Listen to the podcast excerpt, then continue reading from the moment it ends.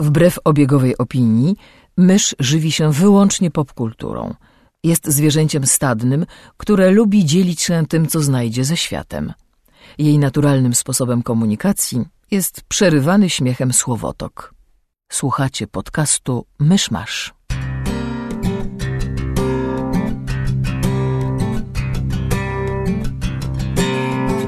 Gospodarzami podcastu Myszmasz są Krzysiek Ceran, redaktor portalu Avalon. Kamil Borek ze studia Kobart. i Mysz, autorka bloga Mysza Mówi. Drodzy słuchacze, jest poniedziałek 28 lipca 2014 roku, setna rocznica wypowiedzenia Serbii wojny przez Austro-Węgry. Zapraszam do 67 odcinka podcastu Myszmasz. Nie, ja już chyba dawno przestałam wnikać w to, na jakiej zasadzie Krzysiek podejmuje decyzje. E, Jest, jest to jeszcze zabawniejsza rocznica, bo to jest rocznica śmierci Tomasza Cromwella z rozkazu Henryka VIII i jednocześnie e, ślubu Henryka VIII ze szczęśliwą panią Henrykową numer 5. Jak to mówią, e, do pięciu razy sztuka. Tak. Co tam u was w tym tygodniu? Niewiele. Nic ciekawego. Nic się nie stało. Nie, Polacy, nieważne. Nic się Ni- nie stało. Niszowy dowcip z kabaretu Ani Mrumru. E, e, niewiele, ale za to mam wrażenie, że pierwszy raz e, w dość, e, znaczy dość długiej, w miarę długiej historii podcastu udało nam się wszystkim obejrzeć jeden i ten sam film. Tak jak żeśmy sobie obiecali, chociaż myśmy wczoraj z Kamilem usiedli do niego jak, jak na ścięcie. No, Znaczy, zgodnie, zgodnie z obietnicami z zeszłego tygodnia, całą trójką obejrzeliśmy, znaczy trójką, każdy osobno, ale całą trójką obejrzeliśmy Blazing Saddles. Właściwie Płonące siodła. Z, z czego to wyszło, że myśmy postanowili to obejrzeć, bo ja już nie Z pamiętam. rozmowy o Zorro, nie pytaj. E, ale tak, obejrzeliśmy wszyscy płonące siodła, ponieważ tutaj w Myszmaszu zależy nam, żeby być na czasie. olać Comic-Con, który się właśnie dzieje, olać wszystkie newsy i fajne ten klipy, informacje, które wypływają. Nie, my będziemy omawiać film z 70 bodajże 6 roku. Czwartego. Czwartego. Jeszcze lepiej. Ale do tego, do, myślę, że do, do płonących siodeł przejdziemy za moment, a na razie może jakieś indywidualne em, pozycje kulturowe. Ktoś coś ma? Nie wiem, masz jakieś doniesienia z Comic Conu, które cię zainteresowały? Ja też nie. Nie wiem, próbuję sobie coś przypomnieć. Ja dzisiaj pół dnia spędziłam czytając różne newsy, ale jakoś nic mi nie...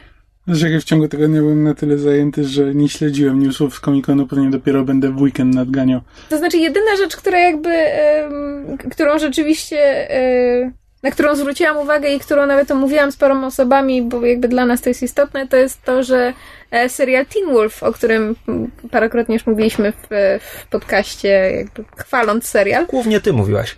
Nie no, Kamil też dwa słowa mówił, no bo on nadgonił serial i teraz jest w miarę na bieżąco. I też e, jakby ma o nim w miarę dobre zdanie. Mianowicie, że Teen Wolf, który ma obecnie, e, jest obecnie prawie w połowie czwartego sezonu, bo czwarty sezon ma być krótki, ma mieć 12 odcinków. E, Teen Wolf dostał zamówienie już na, na, na piąty sezon i piąty sezon będzie miał 20 odcinków, co jest o tyle, em, znaczy dla mnie, jako dla fanki serialu, jest o tyle martwiące, że em, Teen Wolf, mam wrażenie, im więcej ma odcinków, tym bardziej się plącze. To jest serial, któremu właśnie na dobre wychodzi, jak ma tam 12-13 odcinków, ma mało czasu, żeby opowiedzieć wszystko i wtedy nie musi rzucać żadnych filerów ani e, niepotrzebnej nastoletniej dramy, która w sumie z tego wszystkiego im wychodzi, mam wrażenie, najgorzej. A więc no zobaczymy, jak to będzie z tym piątym sezonem. Na razie musimy poczekać, aż się ten czwarty skończy. Jeszcze na Comic-Conie wypłynął em, ten tak, tak zwany mid-season trailer, czyli jakby pokazujący urywki tego, co się będzie działo do końca tego czwartego sezonu i muszę powiedzieć, dawno nie widziałam tak fajnie skonstruowa- skonstruowanego trailera właśnie do serialu, że tu człowiekowi szczęka opada i, i tylko nie może się doczekać na kolejne odcinki, więc liczę na to, że, że im dalej, tym będzie lepiej i że Teen Wolf e, zrobi rzecz niesamowitą, mianowicie będzie wiedział, kiedy się skończyć. Że to nie będzie kolejny przypadek pod tytułem Supernatural, które zaraz będzie miało dziesiąty sezon. E, twórcy się odgrażają, że mają pomysły na kolejne dziesięć. Mieli pomysł na spin-off, który upadł, ale oni się nie poddają, bo planują zrobić kolejny spin-off upadł? O, spin-off upadł tuż po tym, jak wypuścili odcinek. Ale oni się nie poddają, bo oni stwierdzili, że owszem, ten pierwszy pomysł nam nie wyszedł, ale świat Supernatural jest na tyle duży, że na pewno znajdzie się jeszcze, miejsce na jeszcze jeden spin-off i dajemy twórcom jeszcze jedną szansę, żeby, żeby coś wymyślili. Znaczy, jakby e, dyrektorzy stacji tak, tak, tak twierdzą. Więc po prostu to jest serial, który, który nie wie, kiedy powiedzieć dość. No wiesz co, Jeff Davis ma w swoim dobytku jeszcze Criminal Minds, które też z tego co od nich Ej, słyszałem nie wie kiedy się skończyć. Criminal Minds, znaczy Criminal Minds to jest bardzo inny Ale to przypadek, jest dlatego to jest procedural. procedura. Procedural kiedykolwiek ma się kończyć? I biorąc No, pod to uwagę, że. CSI, któreś ma już chyba 27 sezon czy coś takiego, to nie, no bo właśnie to jest, to jest serial, który opiera się na formule, a poza tym ja oglądam Criminal Minds i jakby mimo to, że jest dziewiąty sezon, to nadal to nadal trzyma poziom. Owszem, są jakieś tam spadki, ale na, mimo to, że jest dziewiąty sezon i, i, i mimo, że to jest procedura, nadal są odcinki, które są naprawdę fantastyczne. Jeżeli ktoś ze słuchaczy ogląda, to na pewno wspomni ostatnio, znaczy jakiś czas temu był odcinek e, ze Wścieklizną, który naprawdę wstrząsnął widzami, bo... Wścieklizna była mordercą? Ja, sorta, kinda, tak, ale jakby chodziło o kontekst, e, o, o, kontekst tego odcinka i rzeczywiście to trząchało trochę człowiekiem to, co zrobili w tym odcinku, więc no nie wiem, ja bym w tego Jeffa Davisa nie wątpiła, no. Bardziej bym wątpiła w fanów, którzy em, ponieważ fani Teen Wolfa są bardzo, że tak powiem, głośni i lubią wyrażać swoje zdanie, to lubi, y, y, równie mocno lubią jakby uważać, że ich zdanie jest ponad zdaniem twórców i potrafią zbojkotować serial. No ale nic, to są już jakieś wewnątrz fandomowe sesje, może nie będziemy słuchaczy tym zanudzać. Ścież, y, śmieszą mnie trochę relacje z Comic-Conu, ponieważ teraz e, były pokazy pilotów seriali. No i czytam właśnie wrażenia z przełomowe, wiesz, pokaz pilota Flasha, pokaz pilota Konstantina i wszyscy udają, że pół internetu już tych pilotów nie widziało. A tak naprawdę, jeśli chodzi o Comic-Con, to ja już parę lat temu zorientowałam się, że tak naprawdę, pomijając jakby różne newsy, które z Comic-Conu napływają z różnych stron, najfajniejsze są e, panele, które wrzuca Nerd HQ. E, Nerd, Nerd HQ to jest taka e, inicjatywa charytatywna założona przez aktora Zachara Levi'a, którego słuchacze mogą kojarzyć z. Em, I właściwie polega ona na tym, że są organizowane panele ten pytanie-odpowiedź z różnymi twórcami seriali i filmów, którzy są przez, przez e, Zakarego zapraszani i wszystkie e, wszystkie pieniądze z zakupu biletów przez, przez fanów na, na te panele idą na, na akcję charytatywną.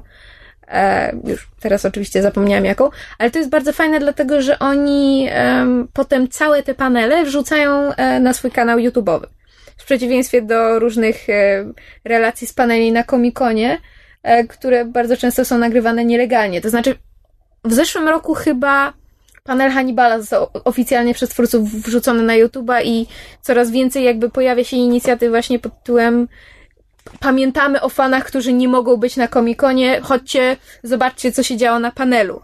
Nie trzeba oglądać, jak ktoś nagrał, prawda, gdzieś spod płaszcza, z ręki, z komórki, przez dwie godziny nagrywał panel, tylko można zobaczyć legalne nagranie. Znaczy, ja się tym nigdy nie interesowałem, ale z tego co wiem, Marvel chyba oficjalnie udostępnia albo nawet streamuje na bieżąco swoje panele. Właśnie nie wiem, bo, bo jakby w, w, z Marvela się nigdy nie interesowałam, bo, bo jakby już i tak z Comic-Conu bardzo dużo informacji napływa, wszystkich paneli się nie zdąży obejrzeć, ale bardzo często niestety jest, jest tak, że jeżeli ktoś chce zobaczyć, co się działo na Comic-Conie, to jednak jakieś nagrania z ręki to, to jest jakby wiod- wi- wiodące medium. Więc jeżeli kto, ko, ko, kogoś interesuje, to Nerd, Nerd HQ bardzo ten warto na YouTubie sobie obczaić. Marvel mia- miał już kilka dużych paneli na Comic-Conie i tam jest jakiś zalew doniesień i newsów i tak dalej i nic z tego mnie specjalnie nie interesuje. Oni tam głównie chyba tego jakieś stopnia, że prawie niczego nie zapamiętałem. nowy grafik wypuścili, co kiedy będzie wchodziło, czy to w końcu był fake? Znaczy, Ja, nie, nie, wiem. ta, tamto, tamto to, był, to była fałszywka, natomiast teraz podali kolejną datę premiery jakiegoś filmu, bo oni lubią podawać datę premiery, nie mówiąc czego. Ale nie, mi chodzi głównie o komiksowe zapowiedzi, ale też nic tam nie przykuło mojej uwagi. Ale Warren Ellis, jeden z moich ulubionych scenarzystów, będzie miał kolejną serię dla Image Comics. Także to, to mnie zainteresowało. i będzie robił serial telewizyjny z producentką Walking Dead dla Universal Cable Productions. Ha. I na razie nie wiadomo nic ponadto, ale to też mnie zainteresowało. Ciekawe. Znaczy, tak naprawdę te komikony nigdy mnie jakoś bardzo nie interesowały. Jakoś rykoszetem dostaję jakieś ciekawe newsy, że widzę, że coś na IO9 się pojawia i tak dalej, to przeczytam. Natomiast a mnie konwenty w ogóle nigdy nie interesowały bardzo, b konwent toczący się na innym kontynencie, w innej strefie czasowej, niech się bawią. No. Hmm. To co, przejdziemy do przeglądu tygodnia. A to ja może jeszcze wspomnę, bo pomyślałam, że warto, to znaczy jeszcze i tak będę to rozgłaszać i, i pewnie na fanpage'u podcastu i u siebie na blogu i, i w innych miejscach w internecie, ale tak a propos konwentów mi się skojarzyło, e, że na pewno ja, a nie wiem jak reszta ekipy Myszmasza, będziemy na warszawskim konwencie Awangarda, który za niecałe dwa tygodnie się zaczyna. Znaczy, my będziemy w cywilu. Znaczy tak, będziecie, będziecie w cywilu, a mysz ja, będę, będzie... ja będę w pół cywilu, bo ja będę jako ten. A, Asyst... Piękna asystentka. tak, dokładnie. Marysia. Tak. E, mianowicie postanowiłam wreszcie, że tak powiem, em, Zrobić panel, już nie. tak, tak. Znaczy nie zrobić panel, tylko e, właśnie wyjść, wyjść z cywila, stanąć po drugiej stronie barykady i postanowiłam e, zorganizować konkurs e, wiedzy o Disneyu. Ale tutaj jest mały twist, ponieważ Awangarda w tym roku po raz pierwszy e, ma serię paneli po angielsku, bo nawiązali współpracę z Instytutem Anglistyki. Apparently. E, W związku z tym konkurs będzie prowadzony po angielsku, ale jakby wszystkich słuchaczy, jeżeli tylko ktoś jest z Warszawy i chciałby się pojawić, to będzie Albo nam nie bardzo jest, miło. ale przyjeżdża na awangardę, bo są i tacy ludzie. Widzę, że wyraźnie masz dzisiaj pragnienie, żeby uściślić wszystko, co powiem. Dobrze, to wszyscy, którzy będą chcieli się zjawić, to będzie nam bardzo miło. E, Jeżeli dobrze pamiętam, to konkurs będzie w e, sobotę od 19 do 20.50. W każdym razie około dwóch godzin będzie trwał. Ale w sobotę też, bo to jeszcze nie będzie ten najbliższy weekend po nagraniu. Nie, prawda? to jest. e, awa- Awangarda trwa 7-10 sierpnia na Warszawskiej Politechnice. Z tego co pamiętam. Czyli sobota 9 sierpnia. No, to jest taka jeszcze, żeby zakończyć ostatecznie temat konwentów. Przegląd tygodnia. To ja w tym tygodniu obejrzałem film The Grey z Liamem Neesonem. To jest ten Liam Neeson kontra wilki, tak? Tak. Po katastrofie samolotu. Tak, Liam Neeson biega po tundrze i Ale wilki. y, nie do końca. Głównie to wykrzykuje y, trivia o wilkach. Bo głównie cały film polega na tym, że ponieważ Liam Neeson... y, y, czy, fabuła filmu jest taka, że samolot pełen jakichś tam robotników, nie jestem pewien, gdzie oni tam w, każdym razie pracują, pracują nie wiem, przy wycince drzew, czy czymś takim. W każdym razie Liam Neeson jest... Kupa drwali. Mhm, tak. Ta- No, coś w każdym razie mówimy o, tak, o robotnikach pracujących w lesie e, i tam, i myśliwych. Przepraszam, ale jedyne co mam teraz w głowie to I'm a lumberjack and I'm okay. I sleep all night and all... Nie? No, już nie ważne. E, Liam Neeson jest doświadczonym e, myśliwym i tak, i wie wszystko o wilkach. No i oni lecą samolotem, bo coś tam zapomniałem, gdzieś, gdzieś lecą, ale samolot się rozbija. I lądują gdzieś na samym środku tundry i orientują się, że są w zasięgu e, siedliska wilków.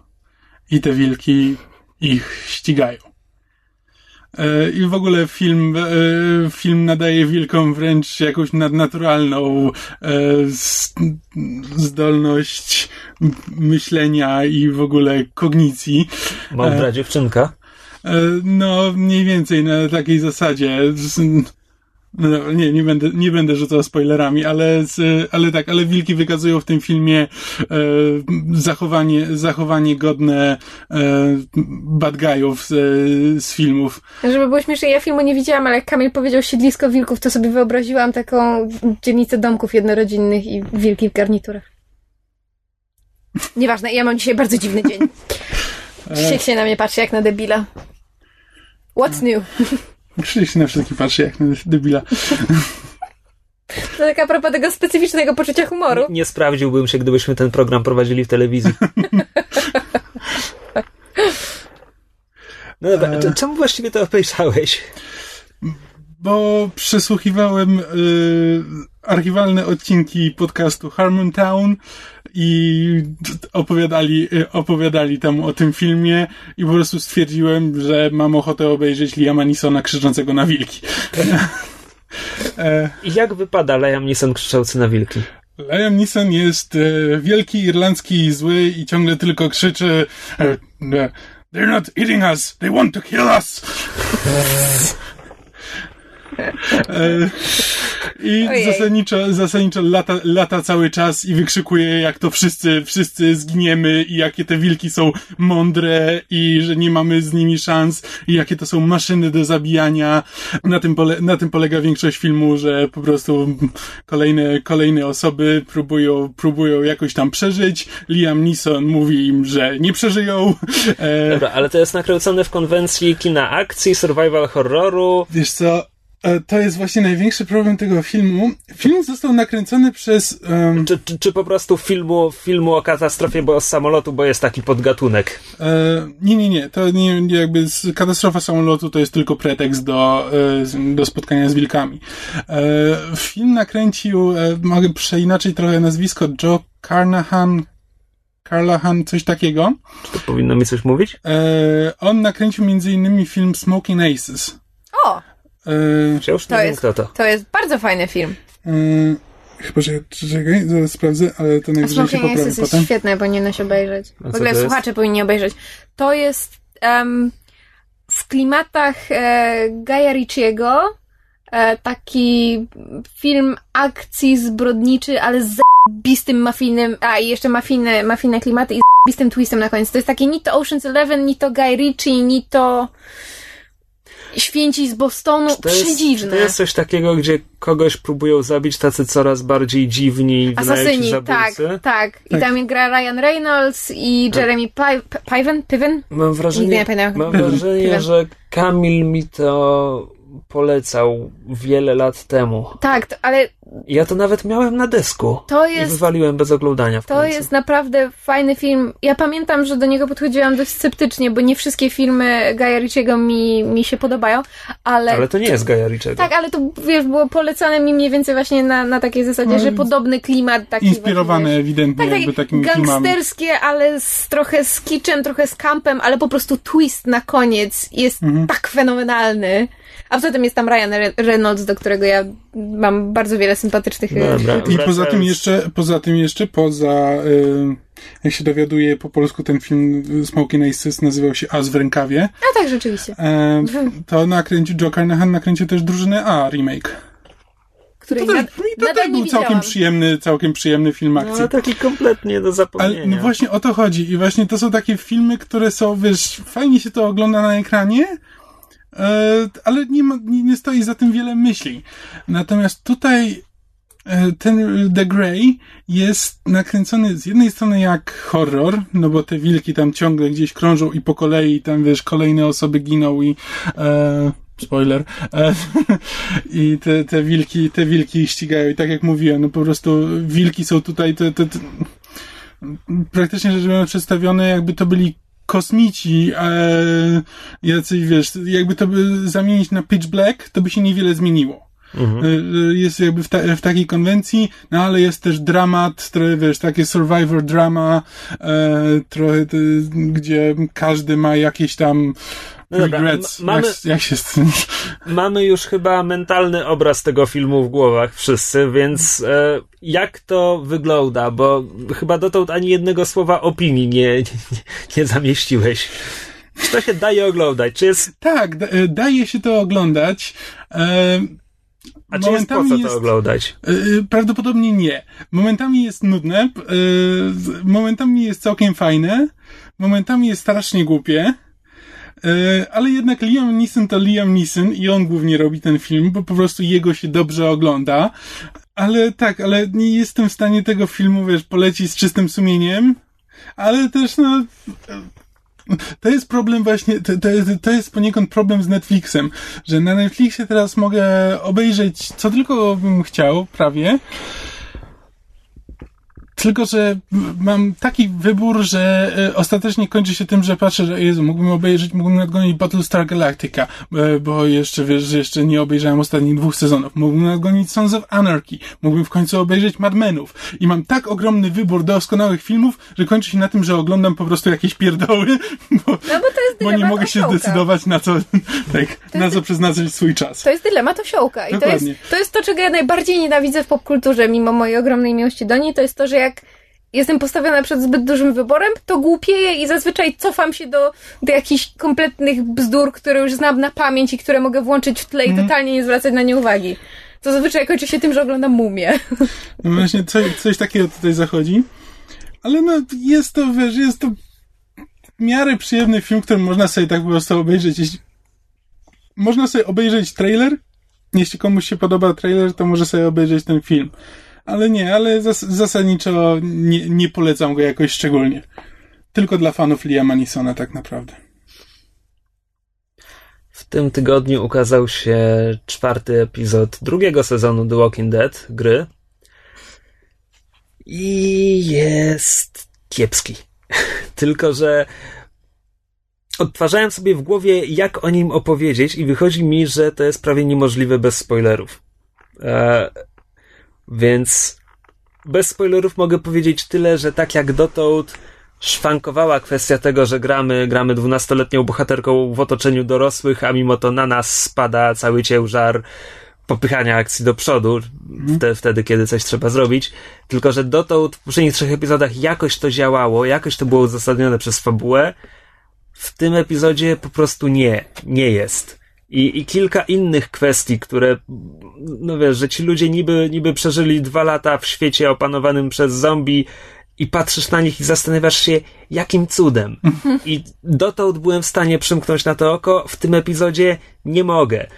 I tak dalej, i tak dalej. I, I ta iluzja wyboru dotąd jakoś się trzymała, w tym epizodzie się nie trzyma. Po prostu wszystko, co dotąd było tak na granicy, ale, ale moje zawieszenie niewiary jeszcze, jeszcze, jeszcze to podnosiło, unosiło, udźw- było w stanie udźwignąć.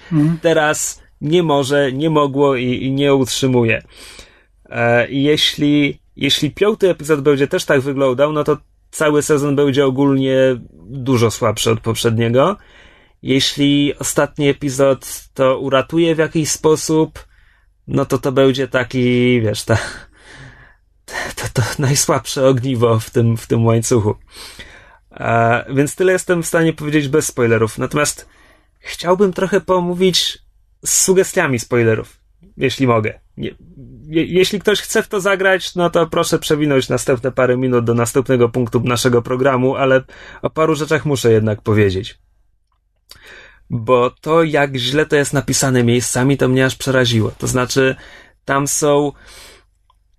Na początku dzieje się coś, przez co jed, jeden z bohaterów ma naszej bohaterce bardzo za złe.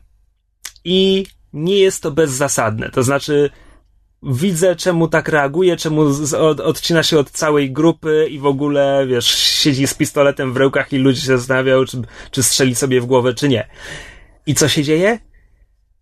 Cztery różne postaci chyba mówią, słuchaj, najlepiej będzie, jeśli to ty z nim porozmawiasz. Uważam, że tak będzie najlepiej. Na co ja jako gracz odkrywam, że odpowiadam na głos w swoim mieszkaniu, mówię na głos, to dlatego, że jesteś idiotą. Bo to naprawdę nie trzyma się kupy. E, no a gra nie daje ci wyboru. No bo po prostu, bo te gry nie dają ci wyboru, wbrew, wbrew temu, co tam czasami iluzorycznie próbują ci wmówić. E, tradycyjnie w tej serii, jeśli ktoś może zginąć, ale zostanie uratowany, no to potem miecz Damoklesa nad nim wisi, po prostu zadławi się kanapką, no bo gra, sprząta po sobie. Jeśli ktoś ma zginąć, to to zginie, nawet jeśli przeżyje trzy sceny dłużej. I gdzieś tak w połowie epizodu jest taka bardzo dramatyczna scena, gdzie właśnie pewna postać może zginąć. I to jest bardzo ładnie zrobione, bardzo ładnie wyreżyserowane, w porządku napisane, no tylko, że heroicznym wysiłkiem udało mi się ją ocalić. Więc kiedy potem ginie później w tym epizodzie, to jest już po prostu takie wzruszenie ramion. O, that happened. Ojej. No, E, I wreszcie jest pewna, pewna decyzja, musi zostać podjęta w tym epizodzie. To jest duża decyzja moralna, Shit. No, t, t, jest, jest wybór, że, że można się brzydko wobec, za, zachować wobec kogoś nieznajomego. I potem to wraca w finale. I w finale właśnie ten nieznajomy mówi, a wy mi, tralalala. I opcje dialogowe są, w sensie, bo teraz przyjaciele Clementine jej się dziwią i pytają, jak to, to, to wy im tralalala. Na co opcje dialogowe są, e, no, no, bo, no bo musieliśmy, czy, czy coś takiego, czy że, że wyższa potrzeba, czy coś tam, że to nie było tak, czy coś tam i w końcu, e, ale, ale to nie ja, to, to ta, co ze mną była, to ona mu tralalala. Tylko, że ja mu wcale nie tralalala, bo, bo jest, możesz podjąć decyzję, żeby mu nie zrobić tej brzydkiej rzeczy, a potem w finale w dialogu nie masz opcji, żeby powiedzieć, nie no, ten facet kłamie, my wcale tego nie zrobiliśmy. No, tak. no i to jest już moment, w którym znaczy, w tym epizodzie wyjątkowo czułem, że, że zagrałem ten epizod nie tak, jak panowie scenarzyści chcieli, żeby w niego zagrać. Mhm. To znaczy, gdybym podejmował inne wybory, to zakładam, że, że te garby by mi nie wyskoczyły, gdyby tam, jak ta postać może zginąć, gdyby zginęła w tej dramatycznej scenie, to byłoby dużo lepiej. Gdybym ja zrobił tralalala temu NPC-owi, to w finale byłoby dużo lepiej. No, tak. no ale nie zrobiłem tego, bo gra mi daje iluzję wyboru, a potem kompletnie się do tego nie dopasowała. No tak. Kompletnie. I to po prostu pierwszy raz miałem coś takiego. Każe cię za te wybory. Pierwszy raz miałem coś takiego w Telltale'u, gdzie po prostu do tego stopnia im to nie wyszło. Mm. No a dodać do tego, że, że ci wszyscy ludzie są tacy głupi, a oni naprawdę są w tym epizodzie niewiarygodnie głupi. E, no i to się rozpadło kompletnie. Do tego stopnia, przepraszam, do tego stopnia, że jest bardzo ładna scena z shopami. Jest scenka z rodzinką shopów i ona jest bardzo ładna w przeciwieństwie do sceny z psem z pierwszego epizodu i to jest bardzo śliczne. Tylko, że shopy pracze, jeśli dobrze pamiętam, są e, wszystkożerne i, i w tym padlinożerne. I w tej grze dotąd prawie nigdy nie było zwierząt. I jeśli w, jeśli w fikcji o tym, jak ludzie sobie radzą z zombie, w ogóle nie ma zwierząt, to nie ma problemu. No bo, bo to jest o tych ludziach i jak oni sobie radzą w tych warunkach. Ale jak pokazujesz kilka zwierząt, no to przepraszam, ale ja się zaczynam zastanawiać. Zaraz. Szopy są padlinożercami. Dookoła jest mnóstwo powolnej padliny, która człapie sobie na dwóch nóżkach i nie byłaby w stanie się obronić przed żadnymi zwierzętami. Tutaj powinny być hordy wilków, niedźwiedzi. Z zombie powinno już nie być. Zombie powinny zostać zjedzone przez falę karaluchów, a wszyscy nasi bohaterowie powinni byli zginąć na cholerę parę, parę lat temu. I ja normalnie, ponieważ dotąd to działało, ta iluzja działała, i twórcy nie wrzucali nam ładnej sceny z shopami, to w ogóle się nad tym nie zastanawiałem. Wiesz co, no jeśli te shopy rzeczywiście zjadły zombie, to mogły po prostu się zatruć i umrzeć. Ewentualnie to jest wirus, który działa tylko na ludzi, a na zwierzęta nie. No tak jak są wirusy, które działają tylko znaczy, na zwierzęta, a na nie, ludzi nie. Ponieważ nie ma żadnych zombie zwierząt, więc e, najwyraźniej tylko ludzie mogą stać się zombie. No w każdym razie w, natu- w, naturze, w naturze jest mnóstwo stworzone, które zdecydowanie mogłyby sobie poradzić z padliną zombie i te Ale w takich ilościach? składniki odżywcze. Tak, jak najbardziej tak. W każdym razie zmierzam do tego, że dotąd mi to kompletnie nie przeszkadzało, ale ten epizod był zły i jeszcze na pierwszy plan stawiał pewne kwestie, przez co no, w ogóle kompletnie ta fikcja się dla mnie rozpadła. Mm było źle. Liczę, liczę że ustoją loadowanie i, i wyjdę z tego sezonu z dobrymi wspomnieniami, ale tu było źle po prostu. E, a ja chciałem, skoro jesteśmy w sekcji spoilerowej, to ja chciałem wrócić na chwilę do The Grey. E, wiecie, nie macie zamiaru tego filmu oglądać, Absolutnie prawda? Nie. nie, nie wiem jak słuchacze, ale to trzeba będzie. No, ale zaznaczyć. ponieważ jesteśmy w, w, sekcji spoilerowej, to po prostu spoilery E, koniec tej sekcji się trochę przedłuży. Ponieważ ja chciałem opowiedzieć o ostatniej scenie tego filmu. E, ja przepraszam, ale no, spoilery są do gry, a nie do filmu. Dlatego, dobrze, no, będą teraz, to ostrzegam, będą spoilery do filmu The Grey. E, ostatnie, ostatnia scena filmu The Grey e, kończy się tym, że już wszyscy w zespole e, Liama Neesona umarli. Liam ja Neeson, nie dziwi. Liam Neeson został sam E, I tam, wiesz, tam próbując uratować ostatniego tego, tam gdzieś spłynął rzeką, gdzieś tam się, wiesz, wydostał, próbuje przejść gdzieś dalej. No i tam nagle już chyba jest zmęczony i nie wiem, zatrzymuje się, tam wykłada chyba już wie, że tam wilki, wilki się zbierają wokół niego, tam wykłada portfele, bo do tej pory tam zbierał portfele wszystkich, jak tam, nie wiem, pamiątka, czy przekazać rodzinie, gdyby ktoś przeżył, to jakby oni zbierali swoje portfele. I on tam wykłada te wszystkie portfele, tam przygląda jeszcze zdjęcia, tam innych, swoje, z tam swojej martwej żony i, co, i tak dalej, i tak dalej. E, I tam wilki się wokół niego zbierają dookoła. E, po czym nagle pojawia się e, wielki czarny wilk, który tam do tej pory jakby sam alfa e, i też tam ich, też tam ich ścigał. I wtedy wilki, które się zbierały dookoła się wycofują, a wielki czarny wilk alfa zaczyna podchodzić do Liama Nisona. A Liam Nison jeszcze w tym czasie ma czas, żeby się przygotować, bo wilk sobie powoli podchodzi, bo, bo wilki w tym filmie są honorowe i tak jak mówiłem, jak twórcy im dopisali jakąś samoświadomość.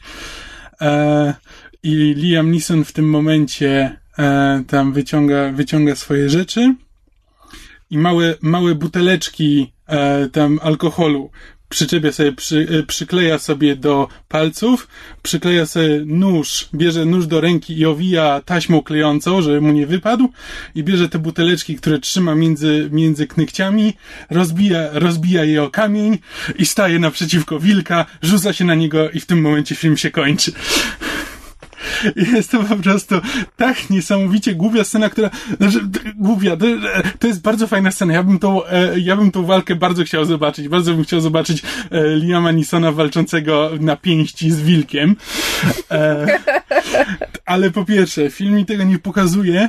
Po drugie, to jest scena wzięta z kompletnie innego filmu. To jest scena, którą ja bym mógł właśnie zobaczyć w Smoking Aces, mógłbym ją zobaczyć w drużynie A i nawet bym okiem nie mrugnął, gdyby Hannibal się zaczął napieprzać w tym remake'u drużyny A. Z... Zapomnieć, że Liam Neeson grał Hannibala w remake'u drużyny A. No właśnie. I y, gdyby, gdyby on tam właśnie walczył z Wilkiem, to i jeszcze z cygarem, w, z cygarem w gębie. To w ogóle bym nie miał ten, tylko że ponieważ ten film miał zupełnie inny charakter do tej pory i mimo wszystko budował się na thriller i na dramat, to Widzisz, po prostu to jest tak kompletnie, to jest właśnie, i ta scena to jest Joe Carnahan właśnie. To jest, to jest taki podpis reżysera. Dokładnie, dokładnie. To jest kino autorskie. ale, ale tak, to warto sobie, podejrzewam, że gdzieś na YouTubie musi być ta scena, warto sobie zobaczyć po prostu samą tą scenę.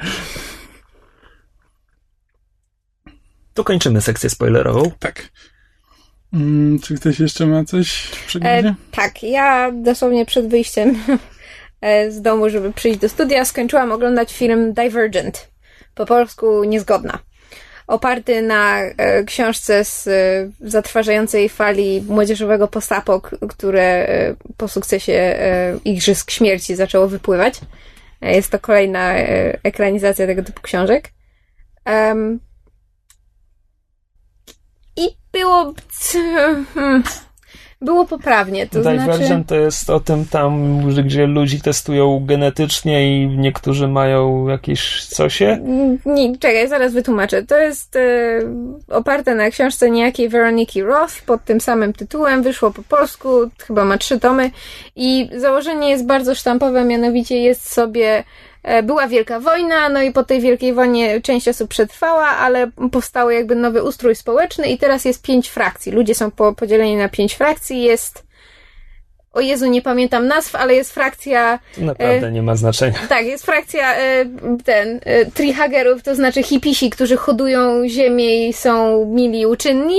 Są erudyci, którzy odpowiadają za jakby całą wiedzę, zbieranie, znaczy zbieranie wiedzy naukowcy i tak dalej. Są, nie wiem, szczerość, e, prawnicy, którzy, wiesz, nie mają filtra i mówią to, co im ślina na język przyniesie i są szczerzy aż do bólu. Są um, nieustraszeni, czyli ichniejsza armia, policja i ludzie, którzy mają, wiesz, nierówno pod sufitem i skaczą z wysokich wieżowców, bo to jest zajebisty fan.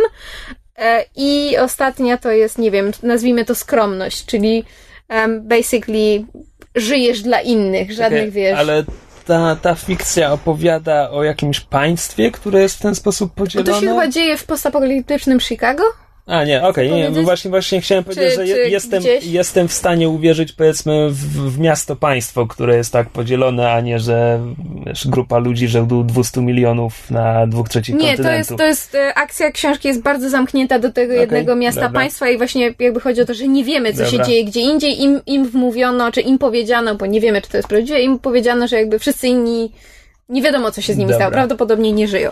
Dobra, no i nasza- Nie zgłaszam zastrzeżeń. Tak, no i, i wychowujesz się z, z, w, tej, w tej frakcji, w której się urodziłeś, a potem tam w jakimś tam wieku jest test. I tam właśnie um, podają ci środek halucynogenny i na podstawie tego, co tam sobie przewidzisz, to sprawdzają, do jakiej frakcji się nadajesz. Okej. I możesz- Brzmi legitnie. Tak, brzmi legitnie, dokładnie. E, Kapelusz sortujący byłby prostszy. prawda? Tiara Przydziału. Jeszcze śpiewa takie piękne piosenki. E, I możesz albo wybrać tę frakcję, którą ci zasugerował twój test, albo wybrać dowolną. Ale jak już wybierzesz, to koniec. Umarł w butach. Już nie zmienisz. No i nasza bohaterka jest z frakcji skromności. W wyniku różnych tam perturbacji okazuje się, że jest tą Trafia tytułową... do Gryffindoru. Tak, jest tą tytułową niezgodną, co jest em, wielkim sekretem tego, tego społeczeństwa, bo to jest osoba, która nie przynależy do żadnej frakcji, tylko jakby ma cechy ze wszystkich, w związku z tym jest swojego rodzaju rebeliantem, a to społeczeństwo jakby działa tylko i wyłącznie dlatego, że wszyscy dostosowują się do zasad i oni takich rebeliantów tolerować nie będą, więc tacy niezgodni tu są już- tu wybijani. Już, tu już zgłaszałbym zastrzeżenia, ale mi się nie chce. Prawda? To, to naprawdę, ojej. W każdym razie bohaterka trafia do tych, e, znaczy wybiera sobie tych nieustraszonych. Obviously. E, więc potem jest pół książki, to jest jak ona się uczy walczyć i być zajebista. Jakby ja naprawdę mam niski próg e, wymagań, jeśli chodzi o literaturę młodzieżową, co jakby parokrotnie... Czy, a ty czytałaś to? Czy. Tak, czytałam. Czytałam e, po polsku. I właściwie to była książka, która sprawiła, że się zniechęciłam do czytania. e, Po, po pierwsze po polsku, a w szczególności właśnie młodzieżowej literatury, dlatego że była fatalnie przetłumaczona moim zdaniem. Do tego stopnia, że jak potem kupiłam wersję angielską, żeby jednak dokonać porównania, to byłam tak zniechęcona, że nawet ju- już olałam. Wiedziałam, że będzie film, stwierdziłam, poczekam na film. I film to jest jeden z niewielu przypadków, gdy, gdzie rzeczywiście jakby film jest lepszy od książki, ale może to wynika, mówię, z mojego podejścia, bo książka była naprawdę, ani to było oryginalne, ani bohaterowie sympatyczni, ani w tym nie było żadnego napięcia, ani twista. E, no, eh, najbardziej przeciętne, eh, jakie tylko może być. E, a film wypadł w sumie fajnie, to znaczy film jest bardzo specyficzny, dlatego że jak najbardziej się wpasowuje w, e, prawda, jeżeli ktoś widział pierwsze Igrzyska Śmierci i ewentualnie jest fanem, to film się bardzo w ten, ten nurt wpasowuje, ale wyreżyserował go em, facet od em, iluzjonisty, tego z Edwardem Nortonem, więc film jest bardzo porządnie zrealizowany, ma dobre tempo, dobrze trzyma napięcie, em, fajnie jest nakręcony. Zupełnie inaczej sobie ten świat wyobrażałam, ale to chyba tylko pokazuje, jak bardzo niesprawnie autorka go opisywała, że moje wyobrażenie tak drastycznie różniło się od tego, co zobaczyłam na ekranie. Um, bo jakby wiadomo, każdy ma własną wizję, ale jednak pewne punkty mm, zbieżne powinny być. I jest bardzo fajna obsada, dlatego że to zresztą mówiłam Kamilowi w drodze do studia, że z jakby pierwszo, drugo i trzecioplanowej obsady, czyli tej jakby wymienianej na Wikipedii, ja znałam wszystkich z jakichś innych filmów, z, z innych produkcji. Sporo obsady to są właśnie młodzi aktorzy, których e, też skądś można znać. E, w, w głównej roli tę naszą tytułową niezgodną gra, ona się nazywa Shailene Woodley. O niej było ostatnio dość głośno, bo grała w tym filmie Spadkobiercy z George'em Clooneyem. W tym filmie A, została jakby... nawet ją widziałem. Tak, została nie niejako pamiętam, jakby która to. odkryta. W każdym razie dostała chyba za tą nominację, jeśli nie nagrodę. Grała za... starszą córkę czy młodszą Chyba córkę? starszą córkę. Ze starszych aktorów gra Kate Winslet, Ashley Judd, Jai Courtney, czyli on grał w tym Spartakusie i grał syna e, Johna McClane'a w piątej szklanej pułapce, która jest najgorszym filmem, jaki w życiu widziałam. Autentycznie. To, ja widziałam filmy klasy Z, a piąta szklana pułapka się nie umywa do kina klasy Z. To była po prostu kompletna porażka. E, I tam jeszcze parę, parę, parę fajnych nazwisk jest. E, I no, może tak. E, Film trwa dwie godziny, niecałe 20 minut. Nie był to czas zmarnowany, nie nudziłam się, w przeciwieństwie do przygody, jaką miałam z książką. I jeżeli ktoś chce sobie obejrzeć właśnie jakiś taki młodzieżowy, znośny film, który nie próbuje zbyt nachalnie um, obchodzić się jakby z, z wątkiem romantycznym, no bo niestety te filmy młodzieżowe bardzo często mają e, trójkąt miłosny i dość nachalnie y, go wpychają widowni do gardła. Ten film nie ma trójkąta miłosnego, wątek y, głównych bohaterów i ich urodzącego się uczucia jest przyzwoicie potraktowany. Y, można, nie trzeba, ale jedna dobra rzecz z tego wyniknęła, to jest to, że znaczy nie wiem, czy dobra, zobaczymy, że spróbuję jednak sięgnąć po, po anglojęzyczną wersję tej książki, może nie będzie tak źle. Poza tym film sprawił, że autentycznie stałam się ciekawa tego, co było dalej, bo jakby już nawet nie sięgałam po kolejne książki, nie wiem, czy będę czekała na film. Może, może się wezmę za książki. Zobaczymy.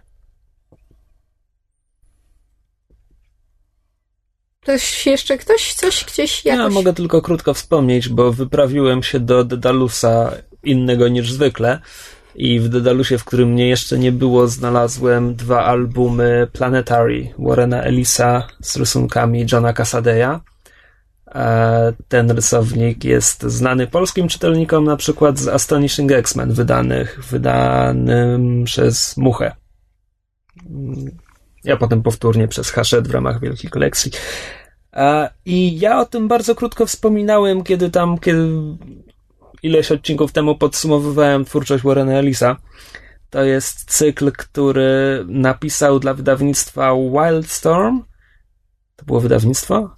Nie pamiętam. W każdym razie potem Wildstorm i wszystkie postacie z tego świata zostały wykupione przez DC. A, ale, ale kiedy to powstawało, to było coś oddzielnego. I e, Planetary jest o grupie, która sama siebie określa jako archeolo archeologowie tajemnic. To jest e, grupka postaci z, z, niezwykłymi umiejętnościami, trójka konkretnie, troje. E, I oni przyglądają się dziwnym sprawom, jakie zaszły na, na świecie w ciągu ostatnich stu lat. E, te dwa albumy zawierają pierwsze sześć zeszytów serii i tak naprawdę tam główna fabuła zostaje tylko zarysowana, że po, pojawia się kwestia prawdziwej natury wszechświata, jakichś jeszcze bardziej tajemniczych ludzi, którzy, którzy działali za kulisami i ten robili jakieś złe rzeczy, być może. Mówię z takim pewnym brakiem pewności, bo naprawdę trudno cokolwiek powiedzieć o głównej osi fabularnej na podstawie pierwszych sześciu albumów, ponieważ e, ten nie wiem, czy cała seria, ale przynajmniej ten początek jest pisany w takim stylu, gdzie każdy zeszyt to jest jakaś zamknięta przygoda. I to jeszcze to są takie przygody, gdzie Ellis bawi się wątkami e, z literatury pulpowej, z komiksów z lat 50., więc to są, to są rzeczy w rodzaju. E, trafiają na statek z innego wymiaru, czy, czy z, z innej rzeczywistości, czy alternatywnej przyszłości, nie wiem, nie ogarniam. Albo e, są na japońskiej wyspie pełnej potworów, albo są w Hongkongu na tropie ducha zemsty, który jest duchem zdradzonego, zamordowanego policjanta. I to, to z kolei jest narysowane trochę w konwencji kina akcji Johna Woo, jak, jak ten duch policjant strzela z dwóch pistoletów.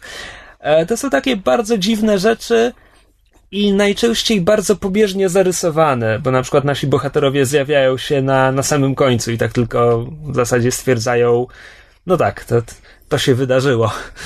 E, ale jest to całkiem fajne. Takie chyba motto serii pojawia się na zakończenie pierwszego zeszytu, kiedy e, kiedy w, dialogu to, to jest bardzo dziwny świat i, i niech taki zostanie. To jest takie po prostu wiesz, spotkanie z niesamowitym. W każdym numerze to jest jakieś spotkanie z niesamowitym. A przy okazji Ellis e, wbija szpilki Marvelowi, bo jest tam na przykład odpowiednik Bruce'a Bannera, to znaczy naukowiec, który testował bombę, ale wybiegł na poligon, żeby kogoś uratować i zamienił się w maszkarę. I oczywiście w wersji Ellisa to nie kończy się tak, jak, tak dobrze, jak to ten jeśli, jeśli można mówić, że Hulk w Marvelu miał happy end, to tutaj nie kończy się to tak dobrze. Albo jest grupa czterech odkrywców, która wyprawiła się w kosmos rakietą, gdzie zostali napromieniowani i zdobyli niesamowite umiejętności. Tylko, że u Elica to są wszyscy ludzie e, w jakiś sposób powiązani z nazistami i trzecią Rzeszą. Do tego stopnia, że nawet e, aktówka, którą przegląda nasz bohater, ma, ma na okładce e, czwórkę zapisaną grubym tuszem z cienko dorysowanymi liniami, tak żeby wyglądała jak swastyka. E, także tak. Nie mam pojęcia, ile tego się ukazało po polsku, bo to jest w Dedalusach, ponieważ to było wydawnictwo Manzoku. Wydawnictwo Manzoku, jak już wspominałem, się zwinęło albo zrestrukturyzowało, czy coś tam i wyprzedało wszystko, co im zalegało w magazynach. I dlatego właśnie Y Ostatni Mężczyzna, Planetary, chyba też Authority można znaleźć w Dedalusach. Także będę jeszcze polował, może, może jest tego więcej. E, natomiast jest to coś, jest to coś dziwnego, ma swój urok e, i mi się podoba. Ot i tyle. To skoro skończyliśmy z przeglądem tygodnia, to może przejdziemy do tematu y, tygodnia, y, do naszej pracy domowej, czyli Blazing Saddles. Dun, dun, dun, dun, dun, dun, dun, Nie ta melodia. Ja. E, to co, e, jako rozmów, jak płonące światła pojawiły się w zeszłym tygodniu w naszej rozmowie, to wyszło na to, że wszyscy je kiedyś widzieliśmy, tak? Ale... Nie, nie, nie? Ja, ja Nigdy? ich nie widziałem, nie. Ja, ja, ja wiem, Może że... jakieś fragmenty, ale nigdy nie w całości. Ja wiem, że ja je widziałam pobieżnie, to znaczy siedziałam na koloniach, film leciał w telewizji, a ja jednym oche, o, ochem i okiem, jednym uchem i okiem, chryste panie, paroma zmysłami, Ochem i łukiem. tak, Dotykiem i wełchem szóstym zmysłem, przez kineskop. tak, e, część, część jakby załapałam, ale nie przypadło mi do gustu. I nigdy, nigdy do filmu nie powróciłam, więc teraz pierwszy raz go obejrzałam z uwagą od początku do końca. No dobra, ja go widziałem kiedyś. Nie mam pojęcia, czy od początku do końca, ale na pewno dużą część. Zwłaszcza jak teraz to sobie powtarzałem, to jakby wszystko, nic mnie tam nie zaskoczyło, także musiałem to kiedyś obejrzeć w całości. Ale to było dawno temu, jak dzie- dziecięciem byłem, pewnie. Dobrze, może zacznijmy od tego, o czym jest film, bo mogą być słuchacze, którzy nie wiedzą. Tam. Znaczy, no, możemy, ale poza tym, że film jest o czarnoskórym szeryfie na dzikim zachodzie w miasteczku, które kompletnie nie jest gotowe na czarnoskórego szeryfa, to chyba nie ma co więcej mówić o fabule. No ale ja, tyle prze, wystarczy. ja przed obejrzeniem nawet, nawet tego nie wiedziałem. No, dokładnie. E, Więc. I co? I film ten jest e, spotkaniem Mela Brooksa z westernem, więc pojawia się tam dużo wątków z takich tradycyjnych starych westernów, to znaczy ten zły przedsiębiorca, który chce wygonić mieszkańców, bo kolej idzie i ziemia będzie ten dużo warta. E, tylko fabuła jest tak niesamowicie pretekstowa. Tak. Dlatego właśnie mówiłem, że właściwie nie ma co mówić Znaczy, więcej. Jakby fabuła jest tylko pretekstem, żeby wrzucić właśnie tego czarnego szeryfa pośród mm, e, w, w białe miasteczko. Tylko, że naw- nawet potem film. Mam wrażenie, że nie, to nie do końca jest tematem filmu. Mm, Ale Ten znaczy- film nie ma Film tematu. nie ma tematu. No, a wydawałoby się, że to powinno być tematem Tak. filmu. Znaczy, No, fil, film jest Czy, tak, serią e, gagów. Ja, Tak. Z tego, co czytałem na Wikipedii, znaczy tak, wśród scenarzystów jest na przykład Richard, Richard Pryor. Pryor, I- który miał zagrać główną rolę. Tak, tylko że studio go nie chciało wziąć, bo, e, bo Richard Pryor za dużo ćpa i jest e, niestabilny emocjonalnie i studio się bało go zatrudnić, bo by po prostu bali się, że, e, że będzie sprawiał problemy na planie. Richard Pryor też pisał i podobno z tego, co jest na Wikipedii napisane, to podobno Richard Pryor urządzał całonocne sesje e, pisania scenariusza napędzane najróżniejszymi e, rodzaju dragami. I mniej więcej tak powstawał ten film. I to widać. Pod każdym względem. No, fabuła jest pretekstowa, film jest ciągiem gagów, nawet nie można powiedzieć, że skeczy. Tam, Tak, to jest, no sketch musi też mieć jakąś strukturę. tak, tak, Mhm. tak. ale najgorsze moim zdaniem jest to, że on jest szalenie nierówny. I nie tylko jakby w kwestii poziomu gagów, no bo tam wiadomo, że jedne śmieszy będą śmieszyć jedną osobę, a drugą nie, ale jakby tego już pomijam, że fa- fabuły nie ma się nie klei, ale tego jak on jest skonstruowany, bo na zasadzie potrafią być e, sekwencje, gdzie mamy siedem gagów jeden po drugim, różny poziom śmieszności, a potem mamy na przykład 10-minutową scenę, kiedy dwóch bohaterów siedzi i ze sobą rozmawia.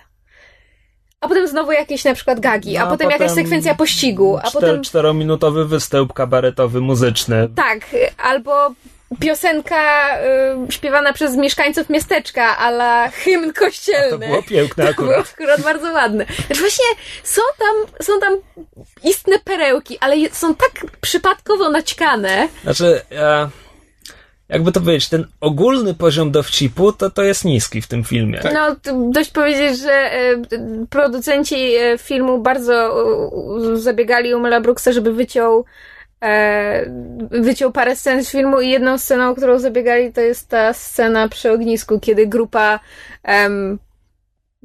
kowbojów siedzi je fasolkę i jest scena, nie wiem, dwuminutowa, kiedy wszyscy panowie w, w kółeczku pierdzą. No, Tak, po prostu scena, tak. kunszt dowcipu niesamowity. Ale Mel Brooks, ponieważ miał, miał ostateczną ten e, ostateczne zdanie co do tego, co zostaje w filmie, a co nie, to zostawił tę scenę. No, Tak, no więc tam jest dużo dowcipów, które kompletnie nie działają albo są po prostu żenujące. Sporo dowcipów, które e, są bardzo fajne, e, ale przede wszystkim nie pamiętam jak się nazywa e, odtwórca głównej roli. Cleavon Little. Cleavon Little, okej, który wypada bardzo fajnie w tym, co robi. Znaczy gra. On gra postać z kreskówki. Znaczy tam, tam jest cała sekwencja, w której gra królika Baxa, dosłownie. Tak, jeszcze jest melodyjka z Looney Tunes, co Tak. było absolutnie urocze. E, przy czym we wszystkich innych scenach on, on też jest równie niewiarygodną postacią. Znaczy, to jest, to jest, to jest postać miastowa, współczesna, rzucona, na, znaczy współczesna dla lat 70., rzucona nagle w ten rok 1870 któryś, no. No tak, no w każdym razie jest, jest kompletnie niewiarygodny, ale bardzo sympatycznie zagrany i tak, wygląda jest dobrze. Czarujący. Wypada dobrze, chciałem powiedzieć. E, Wygląda też niczego sobie. I jest e, postać drugoplanowa, jego pomocnik, The Waco Kid, grany Och, przez Gina Gina Wildera. Wildera. I on jest tak niesamowity. Fenomenalny. Słuchaj, ja nigdy... Po prostu każda scena z Wilderem, nie ma złej sceny z Wilderem w Ale tym filmie. Ja nie wiem dlaczego przez wiele lat żywiłam do Wildera straszną antypatię. Nie Czemu? wiem dlaczego. Właśnie wydaje mi się, że ja musiałam oglądać jego filmy z Priorem. I tak jak em, ten em, nie pamiętam jaki jest polski tytuł Hear no, evil, Hear no Evil, See no Evil, co jeden z nich gra głuchego, a drugi gra, gra ślepego, tak jak w tym dowcipie, jeden drugiego prowadza. W każdym razie ja musiałam widzieć jego komedię z Priorem i go i jakoś mnie to w ogóle nie śmieszyło, więc zaczęłam mieć o nim bardzo złe zdanie do tego stopnia, że nigdy nie obejrzałam oryginalnego e, Willy Wonka and the Chocolate Factory. I tutaj oglądając to Blazing Saddles po prostu z sekundy na sekundę byłam coraz bardziej zachwycona ty, tym, jak on cudownie zblazowanie to gra. Było fenomenalne po prostu. Are we awake? we are not sure. Are, are we black? We are. Then we are awake, but we are very puzzled. No, to jest... Znaczy, ujmę to tak. Gdyby obsadzili kogoś innego zamiast Wildera i kogoś innego zamiast głównego bohatera, to tego filmu nie dałoby się oglądać, moim zdaniem. Zgadzam się. A oni po, po prostu w najlepszych scenach unoszą go na, na wyżyny. Po prostu najlepsze sceny są z filmu o trzy klasy lepszego. Ale było, było parę, parę takich naprawdę dowcipnych momentów w filmie. Mój ulubiony to był em, jak e, jest scena flashbacku i grupa Indian napada na, na, I- kara, cicho, na karawany wozów i napadają na ostatni wóz, którym jedzie e, czarnoskóra rodzina i ten wódz Indian, którego gra reżyser filmu Mel Brooks, tak podjeżdża, przygląda im się, oni się przyglądają jemu, on się im przygląda i takie no jedźcie, jedźcie. Ale żeby było śmieszniej, mówi widzisz. Ind- Indianie mówiący widzisz, to jest Widzisz? re- I jego rewelacja. komentarz pod tytułem, no puściłem ich, bo oni są jeszcze ciemniejsi niż my. Implikacje pod tytułem, oni to dopiero mają przesrane. Zresztą film, e, to, to czytałam na Wikipedii, że też były, było bardzo duży, że tak powiem, bulwers e, odnośnie tego, że w filmie jest używane słowo, e, słowo na N parokrotnie. I jakby z jednej. Parokrotnie. Cicho! Ujmę to tak, jest go tam tylko trochę mniej niż w Django Unchained. Trochę. Parę razy jest zagłuszone przez tam na przykład dzwon kościelny czy coś takiego. A, też bardzo ładna scena. Tak, ale jakby e, rozumiem, że jako właśnie ta satyra na ten złoty wiek Hollywood, gdzie westerny jakby pokazywały tych, tych bohaterskich Amerykanów, prawda, biały człowiek na dzikim zachodzie, to czarnoskóre postacie zawsze spełniały w filmach na dzikim zachodzie tego typu role, więc ja rozumiem, że to jest rodzaj satyry, co nie zmienia faktu, że i właśnie ten aspekt filmu i em, co chwilę latające słowo faggots mm, trochę tam jednak były dowcipy o homoseksualistach. Pomijam już całą ostatnią sekwencję z panami w cylindrach i frakach. I o tym też należy chyba wspomnieć, bo zakończenie filmu jest, e, mam wrażenie, jego um, kwintesencją jego chaotyczności. No to jest znane zakończenie. No jeżeli ktoś nie widział filmu, to może Właśnie, nie wiedzieć. Nie, no, ono jest znane na wyższym poziomie. Ja nie wiedziałem. No dobra, ja, ja wiedziałem, nie znając filmu. No w każdym razie e, końcowa bijatyka wylewa się poza plan filmowy, rozlewa się na plany filmowe w sąsiednich studiach.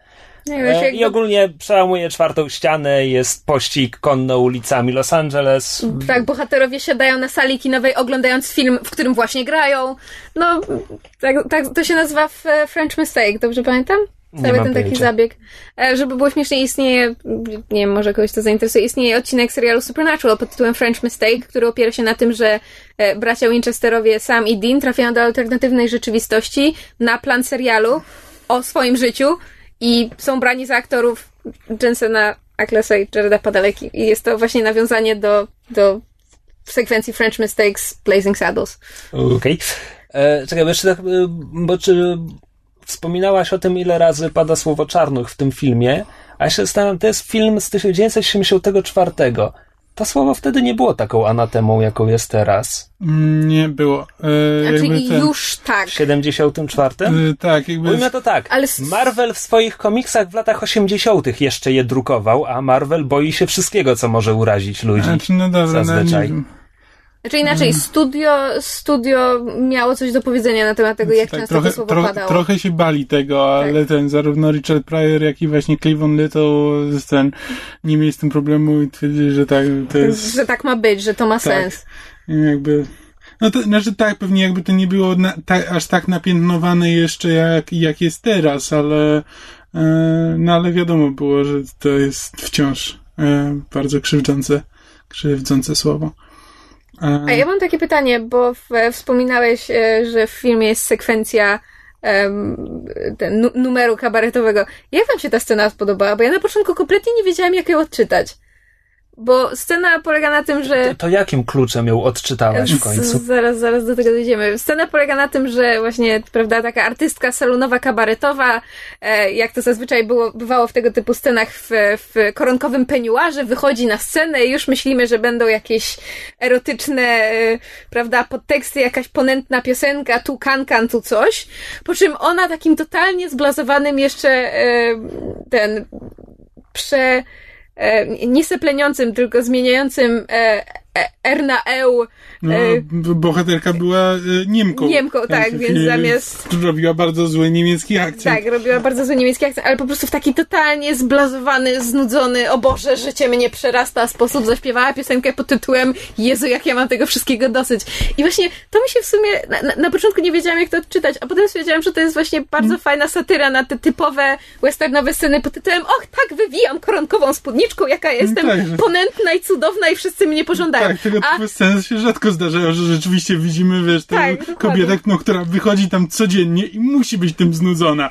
I to nie może być wielki, wielki numer muzyczny. Tak, a, a, a, a i tak cała publiczność złożona z mężczyzn oczywiście pada jej do stóp, mimo że ona im mówi, że ona już ma tego wszystkiego kompletnie dosyć, ją to w ogóle nie obchodzi. Ale a propos, a propos e, właśnie tej, tej artystki kabaretowej, to w filmie pojawia się scena troszkę sztampowa, kiedy ona ma uwieść tego czarnoskórego szeryfa, e, zabiera go do siebie na, na zaplecze, gasi światło, siada obok niego, słychać dźwięk rozpinanego rozporka i, i komentarz jest basically taki pod tytułem, że najwyraźniej to, co o was mówią, to prawda. A z filmu wycięto jedno, jeden tekst, który moim zdaniem robi tę scenę jeszcze bardziej i to jest tekst pod tytułem e, droga pani, pani liże moje ramię.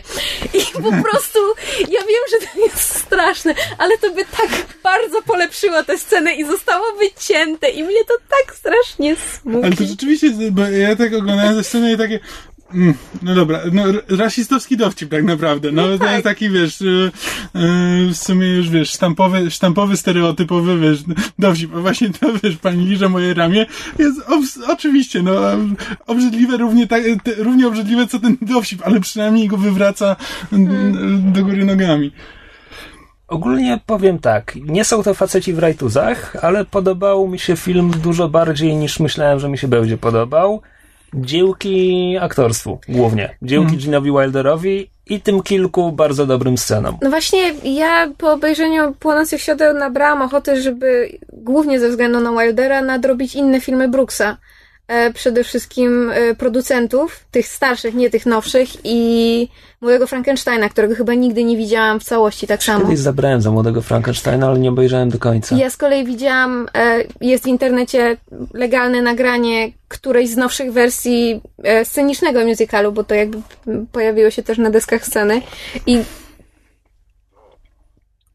no nie wiem, myślę, że myślę, że możemy zrobić, e, jeżeli jest wola i zainteresowanie w narodzie, może nie co tydzień, ale może za dwa czy trzy tygodnie, e, zrobić sobie kolejną pracę domową i obejrzeć kolejny film Brooksa.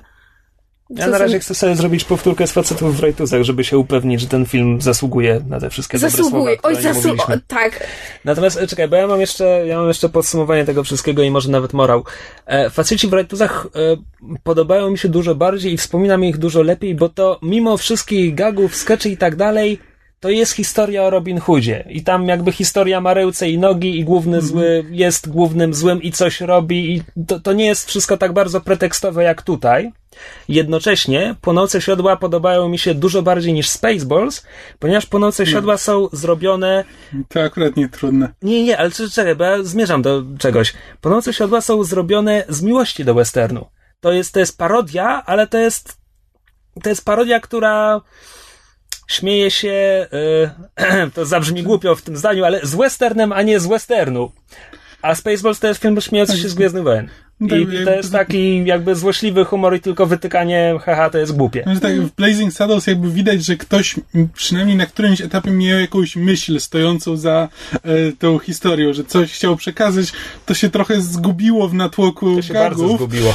E, nie, bo to podobno w ogóle jest jakby, że to był po prostu scena, scenariusz, który ktoś przyniósł, który później właśnie e, e, Mel Brooks wziął, zatrudnił tam czterech scenarzystów, w tym I- Priora i przepisali go, wiesz, od początku. Dłubali Jakby nim właśnie każdy pomysł, mam wrażenie, że w tym, że w to... tym, że właśnie, bo oryginalny scenariusz właśnie był po prostu o e, czarnym szeryfie w białym miasteczku.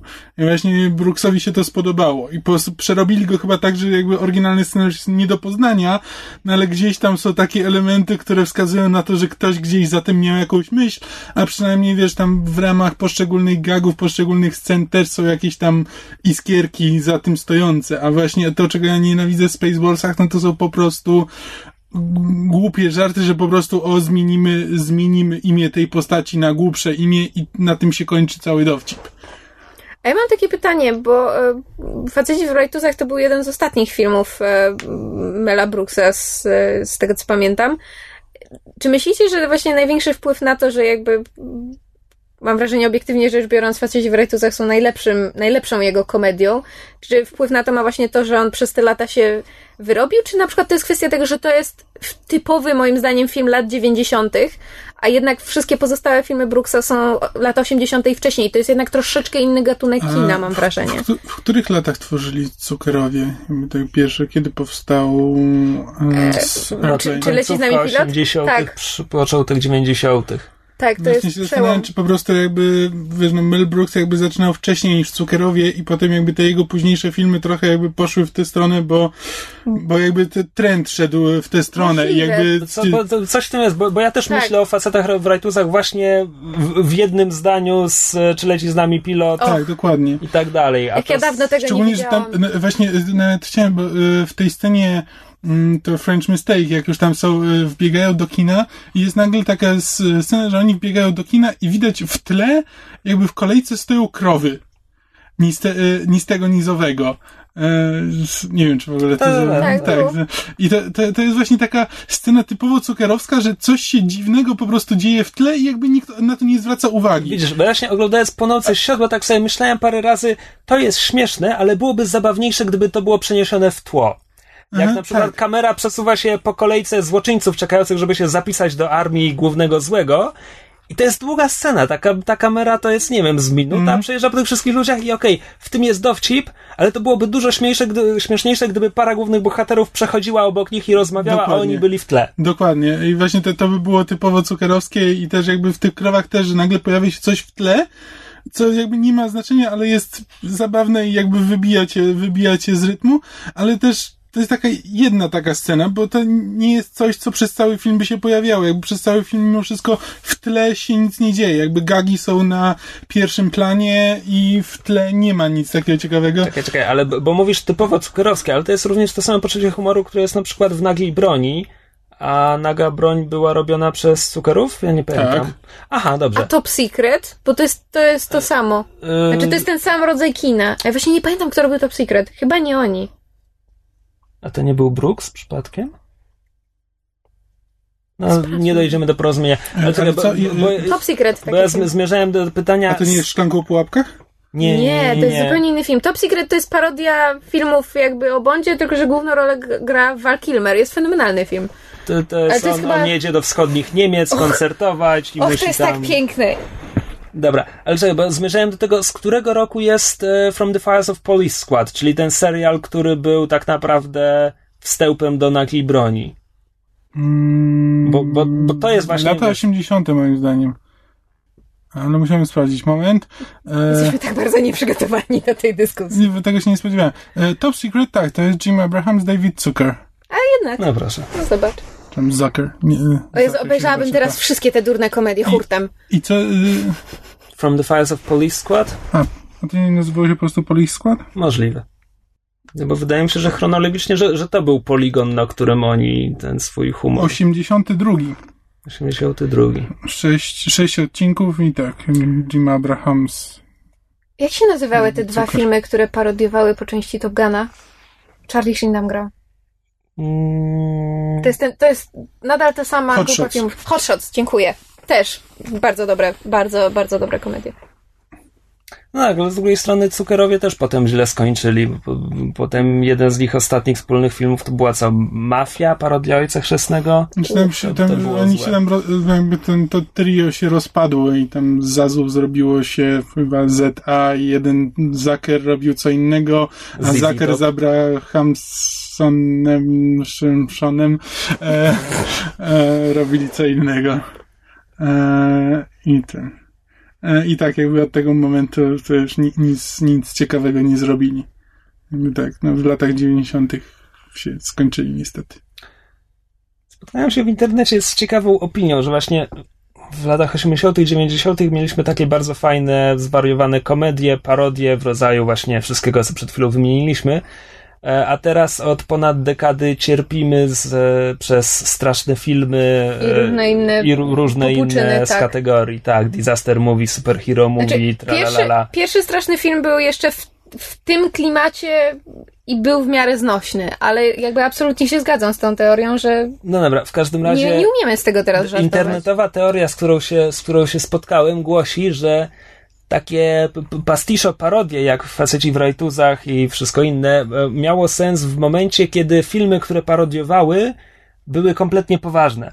A w momencie, kiedy obecny ten mainstream kina, wysokobudżetowego kina rozrywkowego, to jest na przykład Star Trek e, Abramsa, który sam z siebie żartuje i, i sam zawiera slapstick i sam zawiera tego typu dowcip, że w tym momencie już zrobienie, sparodiowanie czegoś takiego robi się trochę niemożliwe, a przynajmniej niepotrzebne. Tak jak w te, te nieszczęsna scena z. Nie, nie pamiętam jak się. z- Chyba Superhero Movie. E, gdzie, czy w każdym razie jakiś tam z tych. E, z gatunku coś tam, coś tam mówi e, i jak Wolverine pokazuje za pomocą szponów, pokazuje komuś faka, co jest po prostu sceną, która się pojawiła w oryginalnych, e, w oryginalnych X-Menach chyba w filmie i potem tak, i potem pojawiła się jako, jako parodia. W parodii, co jest dla mnie tak kompletnie niezrozumiałe i dokładnie właśnie pokazuje, za co nienawidzę tych filmów, że to już nie są parodie, to są po prostu na zasadzie, o patrzcie, to są rzeczy, które pamiętacie z filmów, no. Ale ja mam wrażenie, że to jest też kwestia nastawienia i tego, co Krzysiek mówił, że jakby jaka jest różnica między Blazing Saddles a Spaceball, że jakby jedno powstało w, w pewnym sensie z sympatii do westernu, czy ze zrozumieniem tego gatunku, a Spaceballs to jest po prostu wbijanie szpil na zasadzie jakie to jest głupie. I mam wrażenie, że bardzo wiele właśnie filmów, nazwijmy tam, tam parodii, czy, czy, czy jakichś pasiszowych, które teraz powstają, to jest właśnie na zasadzie, o słuchajcie, to, to, to pokażmy wszystkim, jakie to jest głupie, ponaśmiewajmy się z tego, ale Znaczy, Czekaj, ale mówisz bardzo wiele, ale właściwie jakie takie filmy powstają poza tym cyklem Tralalala Movie? No właśnie, znaczy cyklem, to jest jakby to jest No to nie jest cyklem, mam wrażenie, że to wszystko ci sami nie, ludzie robią. Nie, właśnie niestety nie. Nie? Część z nich robią ci sami ludzie, No Boga, ale to, to jest, jest czasami, zaraźliwe. to jest czasami tak na zasadzie, że wiesz, że dziesiąty, z, y, dziesiąty film z tego powiedzmy podgatunku nazwijmy to, to jest na zasadzie, że tam siódmy producent ze Scary Movie, dwunasty producent z innego filmu, y, pierwszy scenarzysta z, czy- z czegoś tam, że jakby to są ludzie, którzy mniej więcej obracają się w tych samych filmach, ale to nigdy nie jest ten sam zespół, który się powtarza. To nie jest tak jak właśnie z Zazu. No ale Tam jest większości to jakaś są taka sami ci para braci ludzie. Tak, chyba, no właśnie. Bracia Wyans, to oni właśnie zrobili Nie. pierwszy, pierwszy Nie, nie, krzyk. inni, inni bracia. Aha, to już kompletnie. Nie, właśnie ci bracia odpowiedzialni za Scary Movie. Potem właśnie po prostu No, za oni... Scary konty- Movie byli Wyans Brothers. Nieważne, no To robią źle, powinni, powinni przestać. Ale właśnie o to chodzi, że oni zaczęli ten taki, nazwijmy to, współczesny gatunek parodii właśnie Scary Movie. Nie zasługuje na nazwę. Och, Jezus Maria, no dobrze, nie o tym rozmawiamy. I potem Jak to wypuścili nie? Właśnie o tym parę rozmawiamy. kolejnych filmów z serii Scary Movie, a potem inni to podłapali i powstały te właśnie wszystkie Disaster Movie, um, Superhero Movie, jakieś pseudoparodie z zmierzchu, Igrzysk Śmierci i tak dalej. Wiesz co, tutaj- są jeszcze dwa nazwiska, które coś mówią, Jason Friedberg i Aaron Zeltzer. I mam wrażenie, że to oni to potem, chyba- właśnie, że oni, oni potem, potem to przejęli, ta, No, tak, i możliwe. oni potem kontynuowali ten, że owszem, jakby Wyansowie napisali pierwsze Scary Movie, ale potem właśnie ten Zeltzer z tym Friedbergiem chyba to przejęli i kontynuowali serię właśnie bla bla bla bla movie. Przyznam, przyznam się do czegoś bardzo wstydliwego z mojej odległej przeszłości.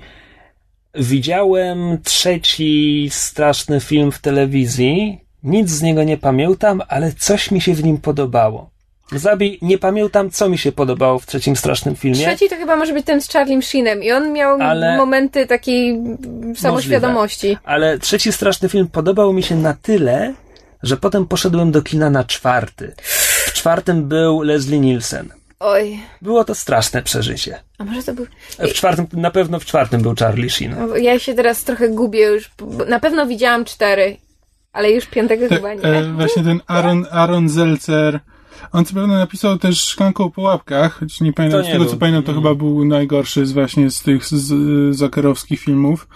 E, tak, straszny film, straszny film 2, 3, 4. Date movie, epic movie, e, disaster movie, e, Meet the Spartans, Uff, Vampire Suck, The Par- Starving Games teraz. E, właśnie, I to są, tak. to, i pamiętam, że próbowałem obejrzeć Meet the Spartans i to jest absolutnie najgorsza szmira, najgorszy rodzaj tak zwanej komedii, jaki można sobie Mam, wyobrazić. mam nadzieję, że pan Zelcer wyciągnie morał i nauczkę z tego, co zrobił i tych wszystkich milionów, które zarobił na tym czymś. Jeden, jeden z moich ulubionych właśnie cytatów z, e, z Community. To właśnie jak, e, nie pamiętam już, nie pamiętam już sytuacji, ale Troy właśnie, który krzyczy, e, był czas na subtelność i to było przed strasznym filmem. No coś, coś się w tym gatunku parodii niestety zepsuło. Tak, po prostu mam wrażenie, że po prostu ludzie spojrzeli na filmy Zakerów i nie zrozumieli, co w nich było śmiesznego i potem pociągnęli to dalej. Nie no, można tylko na zakończenie powiedzieć, że komedia to jest szalenie trudny gatunek. No i tak. Nie, no to mimo wszystko tak, że, ale właśnie, że jak my, myśl przewodnia to, żeby napisać właśnie dobrą parodię, to trzeba jednak kochać, albo przynajmniej mieć jakieś silne emocje wobec materiału źródłowego. Tak Albo jak nawet, go znać znaczy, i rozumieć. nawet jak teraz myślę o, nie wiem, o czymś takim jak The Bugle, co jest satyrą polityczną, e, i też porównuję z też momentami satyra z Saturday Night Live czasami też mają takie skecze, e, w których się tam śmieją z polityków, albo polskie kabarety, e, gdzie jakby słuchając The Bugle mam wrażenie, że jakby to nie to, że oni kochają politykę, bo nie, ale, y, ale mają em, ale mają silne emocje z nią związane. Wiedzą, że to, to jest dla nich ważne i jakby próbują dostrzec w tym coś zabawnego, pokazać to w zabawny sposób. A właśnie to, co potem są w sketchowych komediach, właśnie w Saturday Night Live czy w polskich kabaretach, to jest po prostu na zasadzie, ha, ha, ha jacy, ty, jacy ci politycy są głupi i na tym się kończy cała myśl. Skoro jesteśmy w tematach komediowych, a Kamil już zahaczył o satyrę polityczną, e, myśmy pewnie coś wspominali o e, Last Week Tonight, czyli programie Jena Olivera w podcaście. Właśnie nie wiem, czy żeśmy wspominali. Na, pew- przy... na pewno mówiliśmy, że dostał program z HBO i że będzie go robił. W każdym razie Przydałoby się wspomnieć, John, bo jest John super. Oliver robi dla HBO program Last Week Tonight, który można też oglądać w polskim HBO. Na pewno jest w polskim HBO Go. Nie pamiętam polskiego tytułu w tym momencie, ale jest. E, I jest to 30-minutowe podsumowanie tygodnia, tylko że w przeciwieństwie do, nie wiem, em, jak się nazywa to, co z John Stewart robi? The Daily Show. Show. E, W przeciwieństwie do tego tam on poświęca powiedzmy 10 minut na właśnie przegląd tygodnia, a po czym 15 czy 20 to jest bardzo dogłębne omówienie jakiegoś tematu. Mhm. I to jakby na poziomie takim, że można się bardzo dużo dowiedzieć. Tak, że to nie jest tylko ten, wiesz, z, z, nagł- z nagłówków gazet, że przeglądając nagłówki gazet można to samo wyciągnąć, tylko to jest rzeczywiście To jest dogłębna, dogłębna, dogłębna analiza. analiza, tak.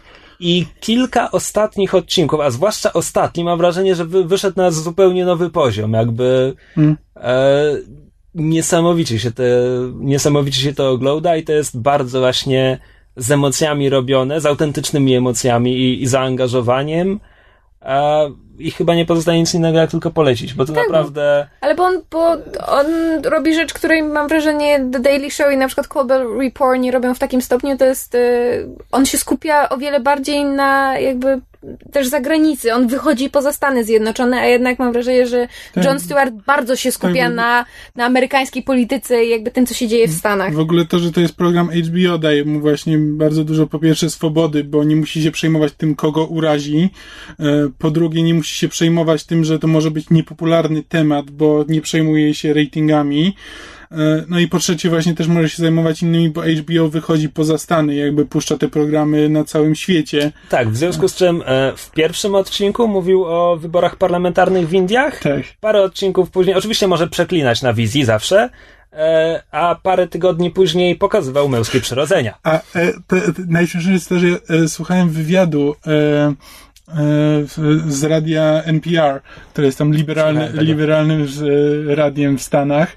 No i właśnie redaktorka tak powiedziała, no też przed, tym, e, przed tym segmentem nie interesowała się tak bardzo wyborami w Indiach. Na co John Oliver powiedział, o Matko Święta, jeśli nawet, jeśli redaktor radia nie interesuje się tym tematem, to znaczy, że mamy problemy w tym kraju. Ze świadomością polityczną. E, I też właśnie moja ulubiona myśl e, właśnie Olivera i to co, to, co moim zdaniem właśnie czyni z niego mm, naprawdę wielkiego komika, e, to właśnie to, że też, to chyba też z tego samego wywiadu, tak, z tego samego wywiadu, że go zapytała, że no właśnie, że jak się czuje, no, obraża w pewien sposób tam znane osoby, no i że jak się potem czuje spotykając te osoby, no jakby, że no po prostu jako komik nie powinien się spotykać, tak samo dziennikarze nie powinni, nie powinni się spotykać, to powinny być rozłączne światy i że jeśli się, y, jeśli y, komik albo dziennikarz czuje się komfortowo w sali pełnej e, polityków, to znaczy, że coś jest nie tak. Że on powinien być outsiderem i ten, i właśnie i z takiej pozycji wychodzi jakby pełny, z pełnej świa- samoświadomości i e, z misją, że to jest jakby on sam ma, sam ma własny, własną misję i to, to jest właśnie to, to, to, co w nim najbardziej lubię. A z drugiej strony to jest facet, który ma jaja ze stali, bo to było chyba w ostatnim odcinku, kiedy on namawiał ludzi, żeby atakowali e, Twittera, CIA e, pytaniami. Jest takie, stary, chcesz zadzierać CIA? Ja rozumiem, że oni robią głupie rzeczy i niekoniecznie musimy się, mu, musimy się z nimi zgadzać, ale wow, ale masz kochones. To, to Twitter, no. Nie no, wiadomo, ale jakby już parę, parę razy było tak, że to, co John Oliver miał w swoich segmentach, to na co zwracał uwagę, miało bardzo duży odzew do tego stopnia, że on dostawał różnego rodzaju tam e, e, różne listy. To moje ulubione to było z tym, jak miał cały segment a propos soku z granatów firmy POM. I potem firma POM mu przysłała całą małą lodóweczkę z tymi sokami z granatów i przysłali mu wraz z tym piękny list i jak to John Oliver sam stwierdził, że była to najbardziej subtelna forma powiedzenia mu, a wsadź sobie wszystkie te soczki w d***. Więc on jednak ma jakiś efekt e, w, w tych wszystkich jakby kwestiach, które porusza i, i rzeczywiście robi to dobrze. To znaczy, tak jak ja widziałam parę odcinków Colbert Report i, i The Daily Show i jakoś nigdy nigdy mnie to nie pociągało, tak Johna Olivera e, obejrzałam wszystko, co do tej pory właśnie to Last Week Tonight wyszło i jestem absolutnie zagorzałą fanką i, Mm. i będę z programem długo. Mówię, on po prostu ma misję i nie robi nic po to, żeby zyskać jakąś tam sławę, tylko że po prostu no robi, Jego to robi to, rusza, co no lubi, tak. lubi, lubi to, co robi i to jest dla niego najważniejsze. Dobra, a wracając jeszcze na moment do filmów, bo tak e, rozmowa Mhm. o parodiach zakończyliśmy, że coś się w gatunku popsuło i w ogóle, to może żeby tak trochę bardziej optymistycznie, dobre komedie z ostatnich lat, czy powiedzmy dobrej dekady. Pamiętacie coś? Znaczy, tak z ja, ja, ja mam jeden tytuł, który jest dla mnie nie- zdecydowanie najlepszą komedią ostatniej dekady i to jest Dziękujemy za palenie. W tym momencie nie pamiętam, czy to się jeszcze łapie No, w ramach jest takie, ostatniej dekady. to jest takie dramedy. No e, nie, nie, nie, to jest komedia, to jest czarna komedia, no to jest... U mnie to tak, to jest na pewno najzabawniejszy film, jaki widziałem w ciągu ostatnich 10 lat, a czy już czy będziemy wnikać w to, czy to jest komedia, czy dramedy, to, to już mnie nie obchodzi. Musiałbym się nad tym zastanowić. Tropic Thunder? Znaczy, z, Nie z takich, Z takich to jest filmów właśnie typowo nawiązujące właśnie, do Zazu. tak, typowo takich głupawych, sposób. To, to był naprawdę, to był naprawdę fajny film. Może Mm. kiedyś obejrzeć w końcu. To Nie, jakby obejrzy, to ma- są, są całkiem tam sensowne komedie, tylko po prostu Pierwszy- nie w takich pierwszy- ilościach, w jakich to... Pierwszy Cat z Vegas? Mm. Nie, no, pierwszy Cat Vegas był fajny. Ja mam wrażenie, że, że e, w ostatnich latach powstaje mało takich właśnie stricte komedii komedii, że właśnie wszystko jest albo em, komedia romantyczna, albo e, komediowy film akcji, albo... No, myślę, że czy są jakieś komedie romantyczne, które są autentycznie śmieszne? Przyznałem się już na wizji, przepraszam, na antenie wielokrotnie, że lubię, e, no, co ja lubię. Love Actually. Właśnie, to lubię. No, I to tam jest... są zabawne sceny, autentycznie, No ale... tak, no to jest właśnie przykład. No, a jest więcej takich przykładów No- komedii romantycznych, które faktycznie są komediami? Myśmy, myśmy ostatnio obejrzeli 51 randek z Adamem Sandlerem i to jest z jednej strony, znaczy inaczej, wiem, że są ludzie, których ten film autentycznie śmieszy. Ja go lubię z tego względu, że on pomijając wszystkie żenujące żarty jest bardzo ładną, ba- bardzo ładnym filmem o miłości. Właśnie, ja też, ja, ja też go w sumie lubię, natomiast nie zapamiętałem, żeby on mnie rozśmieszył.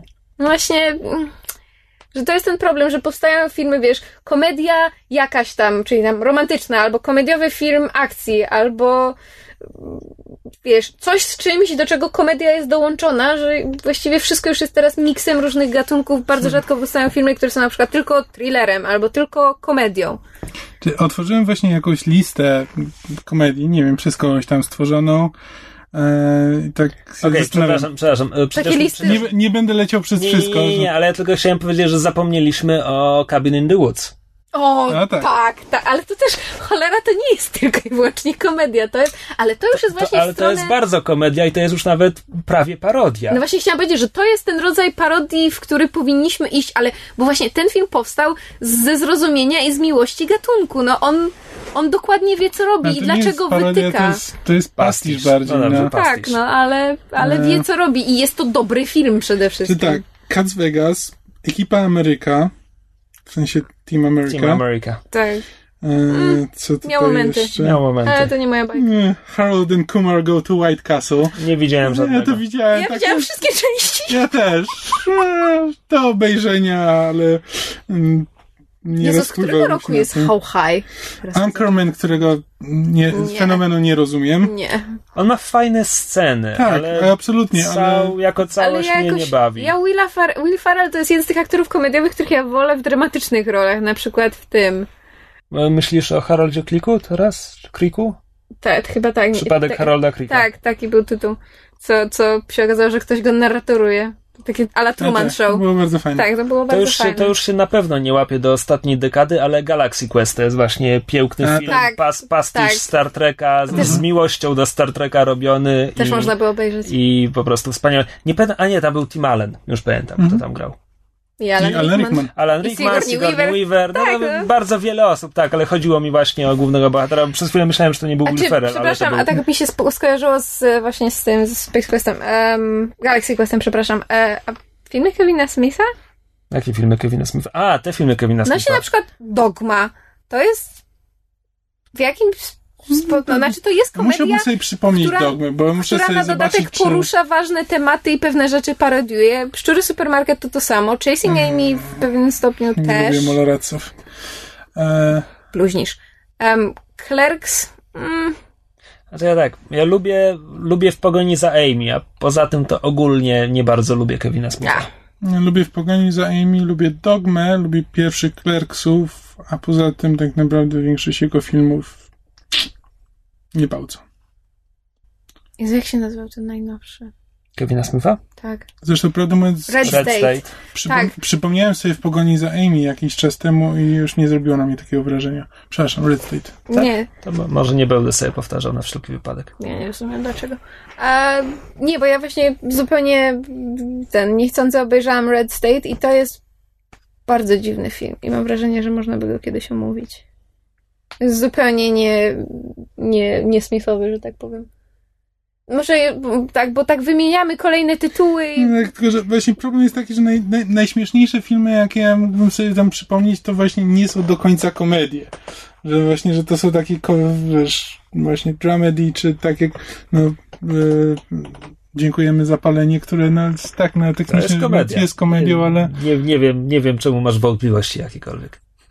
no, dla mnie to jest komedia dramat, no ale... No właśnie, no jest komediodrama, no bo jakby, wiesz, no ja mówię w, po, w porównaniu z komediami, których jakby założeniem jest po prostu to, żeby być śmiesznym i to jest główne zadanie, jeśli a jakaś tam myśl za nimi płynąca ewentualnie może być, ale jest y, drugorzędna, jest tam gdzieś z boku. no A jednak dziękujemy za palenie, no to jest właśnie w drugą stronę. To jest film, który ma coś do powiedzenia i właśnie historia jest najważniejsza, a żarty no są śmieszne, no, Znaczy, ale to... Jak dla mnie on jest strasznie śmieszny. No ja nie wiem, no może ja, może ja go, humoru. może ja go nie pamiętam najlepiej, bo oglądałem go tylko przy premierze i potem już chyba nie powtarzałem go Ja, sobie, ja go ale, sobie powtarzałem. No dobra, no ale nie przypominam sobie, żeby to był taki laugh out loud śmieszny dla film. mnie był. Dobrze, to może zamiast się bez celu wykłócać, czy był, czy nie był i wymieniać bez sensu kolejne tytuły, to we'll wrap this up. Tak, e, Jeżeli No, ale to- macie jakieś e, swoje wnioski na temat komedii, jeżeli macie przykłady jakichś autentycznie śmiesznych komedii z ostatnich, powiedzmy, nie wiem, 10, 10 czy 15 lat, albo nie zgadzacie się z czymś, co powiedzieliśmy, em, albo chcecie nam polecić jakąś komedię, waszym zdaniem wartą obejrzenia, to czekamy na wasze maile na mysz podcast gmail.com Mhm, tak, tak. E, albo na fanpage'u Myszmasz Podcast, albo w komentarzach pod odcinkiem na naszej stronie, albo no w e, pytaniach na Asku, albo na Skype'ie, który siedzi zaraz za kurzem. E, no, w każdym razie wiecie, jak się z nami skontaktować. Czekamy na wasze uwagi.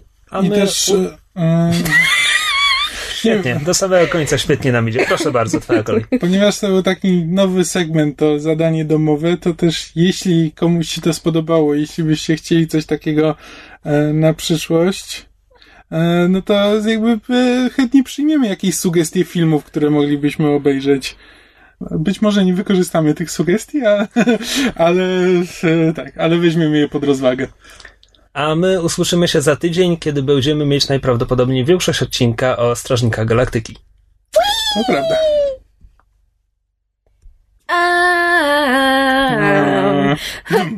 Feeling, dun, dun, dun, dun. I'm high on believing that you're in love with me. I'm hooked on a feeling. Bye. Nie, to już za późno, powinniśmy Nie. byli od tego zacząć. Damn it! Słuchaliście podcastu Myszmasz. Możecie nas znaleźć na myszmasz.pl lub polubić nasz fanpage na Facebooku. Możecie nam także wysłać maila na myszmaszpodcast.gmail.com Jeśli do nas napiszecie, będziemy szczęśliwi jak rodzinka kosmicznych szopów praczów.